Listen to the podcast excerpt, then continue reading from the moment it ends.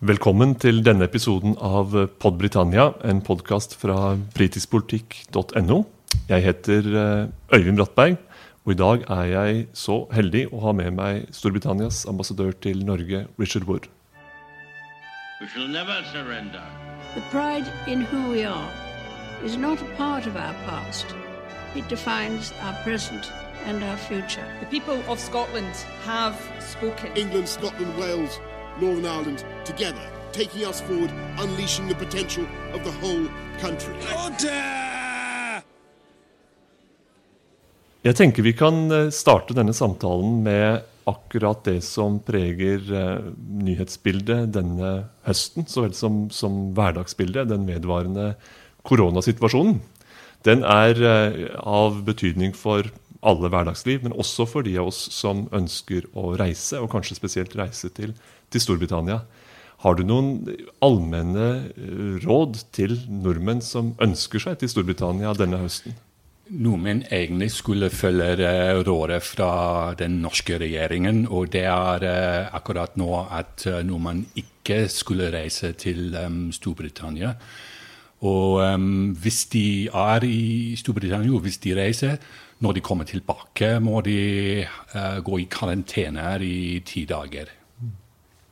Så vi håper egentlig at å få under kontroll situasjonen i uh, Storbritannia, men det er, det er, sånn overalt i verden at uh, korona kommer opp og går ned. Og um, vi får se om vi får kontroll over situasjonen, slik at folk kan reise igjen til Storbritannia. Jeg håper det. Vi lever i, i, en tid med stadig skiftende eh, restriksjoner. Skifte fra gult til rødt, tilbake til gult osv. Uh, for mange land, også for Storbritannia. Eh, hvilke praktiske utfordringer har dere ved, ved, ambassaden i møte med disse vanskelige reisevilkårene? Ja, det er akkurat uh, så krevende for uh, ansatte på ambassaden som for alle andre. Og vi Jeg personlig jeg, Mannen min, ektemannen min, er i Frankrike, og det er veldig vanskelig for oss å møte. Og, så vi må bare forstå at um, situasjonen skifter hele tida, og vi må se på um, uh, anbefalingene som kommer fra regjeringen, og um, restriksjonene. Og vi må tilpasse oss til situasjonen. Det er uh, det er alt vi kan gjøre akkurat nå. Du er en, en eh, ambassadør med et ganske enestående nedslag i, i, i, norsk offentlighet, og med en veldig utadrettet virksomhet. Det har vært, slik har det vært siden du tiltrådte for, for to år siden. Har denne perioden med korona gitt voldsomme endringer for, for din virksomhet, for ditt virke som ambassadør? Ja, det, er, det, har vært eh, frustrerende egentlig for alle. Um, og um, for oss også, fordi vår jobb det handler om uh, engasjement og um, kontakt til folk. Og kontakt til Norge. Og det har vært uh, veldig vanskelig i de siste måneder. Så ja, det er krevende for oss også, men vi fortsetter å tilby eh, alle tjenestene til publikum som vi gjorde før. Og så har vi arrangement av og til under um, veldig strenge restriksjoner. Um, og vi fortsetter å møte folk um, uh, om å snakke om viktige ting som ikke stoppes uh, pga. korona, som um, klimakrisa og sånn. Vi har uh, toppmøter i Storbritannia neste år, og vi vil forberede uh, engasjement med Norge om å um, oppnå veldig krevende uh, mål som vi har for uh, toppmøtet. Så um, denne jobben det, det, stopper ikke. Vi må um, finne nye måter å gjøre det på. Altså, så har vi um, mer uh, videomøte, og vi har mer uh, med e-mail og um, Twitter og sånn. Men vi fortsetter å gjøre alt vi gjorde før. Mm. You've invested quite um, heavily in um, acquiring knowledge about Norway and Norwegian culture, as, as demonstrated by your fluency in in Norwegian. Uh, we we may switch to, to English at this point, I think. But I, that I'll, might be wise. I, it, it might be, but I, I, I, still want to pursue that line further by asking. Um, in the course of your time as ambassador here in Oslo, has, has your impression of Norway changed in any way? Uh, has it developed, do you think, in different terms about Norway and Norwegians now compared with what you did uh, two years ago? Listen, I don't think my view of Norway has changed um, particularly. I always saw Norway as uh, a very close partner, um, populations with history and uh, geography in common, uh, where we understood each other um, really very well instinctively. And that hasn't changed. What has changed is my uh, knowledge of uh, Norway has become deeper and slightly better, I hope um, partly through trying to speak the language, although under uh, these corona days I've had less opportunity to practice my Norwegian.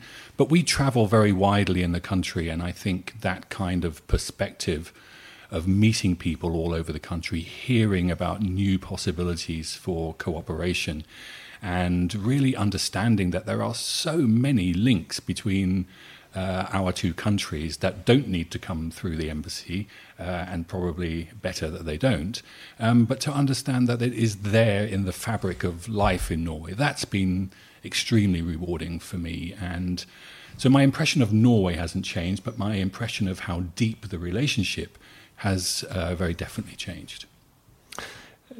I imagine that arriving as ambassador also means that, that one arrives with, with uh, clear ideas about potential deepening of various forms of cooperation. Since then, have you seen other uh, potential, other types of, of, cooperation arise, uh, new ideas, and, and so on? Absolutely. So um, there are traditional areas where we work very closely together, and that's fine, and we carry on doing that. So on defense, we have a very good relationship uh, on um, the values agenda, if you like, human rights, democracy, rule of law. We will always work closely on those things. But I have wanted to really try and find some new areas which will renew the relationship, keep it relevant, and make it dynamic and interesting also to younger people. And I found, um, for example, in innovation and tech, um, that there's a huge potential to work together here. Norway is an incredibly innovative country. There's a great amount of really groundbreaking innovation that comes out of Norway and uh, a good scheme for support at the beginning. And I think what we offer as a partner in the UK is um, the ability to grow those businesses and that innovation to scale, to offer an ecosystem in London and Manchester and Edinburgh and Glasgow, all over the UK, where people can meet others in the same field, feed off those ideas, and really um, advance uh, innovation and tech. So that's been fascinating for me to uh, discover and see what we as an embassy can do to help encourage that and bring people together. Mm. That's just one example. There are actually many, many examples of new areas for the relationship, which are actually very exciting. Such um, a warm relationship requires mutual understanding on, on, on both sides. Uh, and now Britain has been characterized in these recent years by, by various political conflicts and, and, uh, and a political rift as seen in, in the, the Brexit process as well as Scotland's yearning for independence and, and so on. Do you get uh, a sense that, that Norwegians actually um, understand and appreciate, appreciate, recognize these uh, conflicts and, and uh, understand cultural and political change in the UK? Have we fallen behind some somewhat? Now, listen, I think Norway is the country that I've been in the world where people understand the UK best. Um, I remember during the negotiations on Brexit, the TV coverage would show um, votes in the House of Commons in great detail, and commentators would uh, talk, including yourself, uh, would talk about uh, all of that. Um, but what I think uh, has tended to happen is that people see that drama at a top level and assume that that is what the UK is about these days. Uh, and of course, normal life carries on for everybody. That has been uh, a challenging time. We got Brexit done, uh, it is behind us. We're in a transition period and having really fruitful negotiations with Norway on a future relationship. Um, but there was a tendency during that time to see the UK as entirely about uh, Brexit and the political uh, process. And of course, that's never the whole story. Entertaining though some of the pictures may have been, um, that's not the whole story of what's going on in UK society or. Um, so I, I, hope that now that um, political drama has um, uh, unfolded somewhat and people are back to thinking of the UK in a slightly broader sense. Um, what is it about the UK and the way society is developing uh, the way the business sector is structured, um, the way uh, in which um, our higher education system is set up that I can really engage with. Um, and I knew at the time that we just had to get over that period of political drama and Norwegians would get back to a more uh, instinctive, broad sense of um, living with the UK as uh, neighbours and friends. You you've been um, a, a, British diplomat for, for, quite some years, uh, running in parallel with with upheaval and and polit profound political change at home. On a more general note, uh, have you experienced um, a change in the way Britain is perceived by by others? Not only in Norway, but more more generally, the way Britain is perceived on mm. on the international scene. Well, thank you for saying quite some time. It's actually 30 years I've been a, a, a diplomat, so I have seen um, quite a lot of evolution in international affairs in general. And people do like to concentrate on um, change and what might have changed and what might be different. But there is an awful lot in the international system and in the UK's view of the world that is um, uh, extremely constant. Um, we have uh, we are a European country with European values. Um, has nothing to do with membership or non-membership of the EU, as Norway knows very well. Um, and um, I believe we have a very constant view of some of the really key issues in life around the world, which is uh, human rights, democracy, rule of law, international cooperation, um, the rules-based international system, international development aid, uh, and all of those things, they are remarkably constant. We add new things to that all of the time. So, our newfound uh, um, love of environmental measures has seen us become, I think, a world leader in um, uh, decarbonisation of the economy. So, we're constantly uh, evolving as a, uh, as a country. Um, but to emphasize uh, things that have changed, I think, is not necessarily the picture I would want to give. There is a, a remarkable constancy in values. Oh, now, you would like to, to emphasize continuity and, and, and consistency, but if, but if we look um, more specifically at, at the Brexit process that, that is coming to a close, um, if you were asked to, to, to name a few specific opportunities that will arise in, in, in the wake of Brexit, uh, possible new avenues to pursue for Britain internationally and so on. What what would you what would you point us to? Well, I, I think, for example, we've always had um, a worldview of uh, politics and international affairs, um, having been. Um, uh, well, still being a former colonial uh, power with very strong links to um, different uh, parts of the world. Um, uh, including the Commonwealth with its 53 members in a remarkable kind of informal club of common thinking on um, international issues, that kind of thing. We're a permanent member of the Security Council. So we've always taken, I think, uh, an international uh, view of the world, and that is one thing. Um, uh, that uh, is going to be there after Brexit as well, and which we will see how we can uh, how we can take advantage of. I think um, I mentioned the climate uh, negotiations twice now already. This is really, really important to us, and I think we have had higher standards and uh, better results than uh, many other parts of uh, Europe, and um, we have the opportunity to provide some leadership, I hope, and some encouragement to others um, through the COP26 process in Glasgow and through our ability to set our own uh, standards.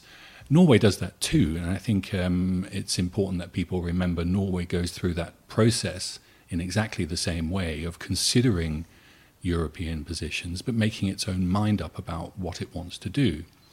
So Norway's nationally determined targets on uh, the environment are higher uh, ambition than the EU's, and that was something that Norway came to an independent view about, and that's the same kind of thing um, that we are looking to do as well. Now we live in, in strange times with um, the current pandemic and um, all the challenges arising from that. In returning to a normal state of affairs, are there, do you see um, a common set of, of tasks to resolve for Britain and the UK, or, or possible uh, reasons for for mutual learning in that process in in returning to normalcy? Well, I think there are two things for me that are incredibly uh, important. Um, one, no, let's say three. Um, I'll start with my old favorite, the climate, and say a green recovery is really, really important. Um, this is an opportunity not just for us to um, uh, try and get the economy back to exactly where it was, it is to grow the economy, um, but in a way which encourages a faster shift to a greener economy. Um, I think one thing it has also taught us is the need for international assistance and um, to look at supply chains, cooperation, collaboration, uh, facing us with global challenges. So I'm glad that both UK and Norway, in different ways, have given a lead on uh, the fight for a vaccine uh, and to make sure that that is available commonly around the world.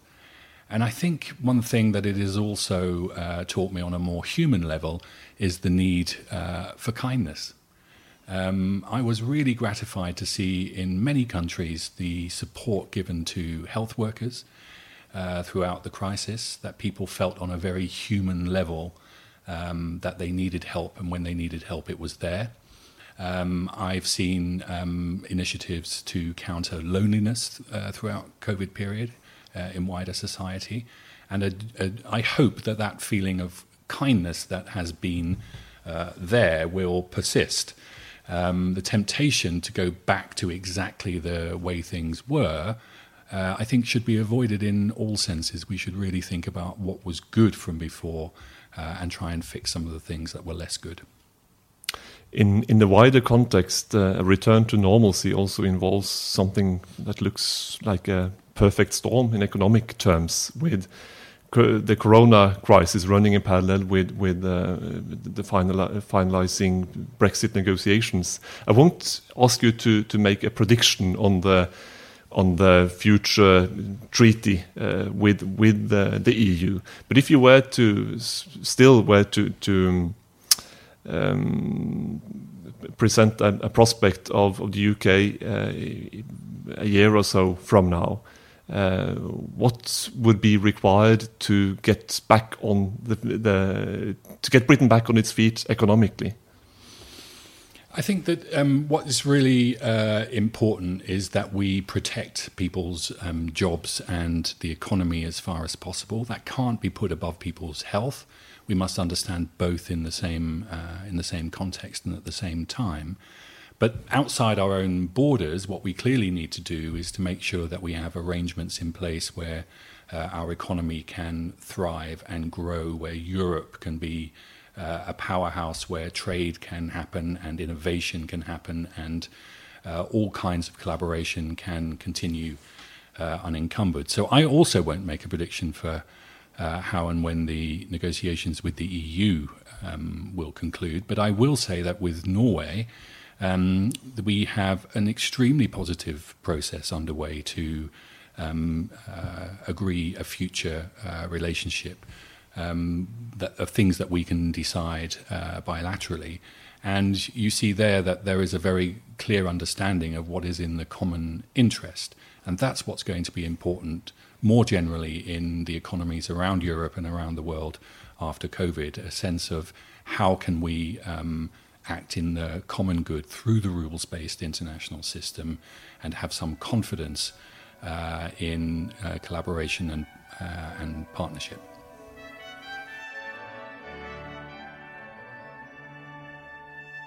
We shall never surrender. The pride in who we are is not a part of our past. It defines our present and our future. The people of Scotland have spoken. England, Scotland, Wales, Northern Ireland, together, taking us forward, unleashing the potential of the whole country. Order!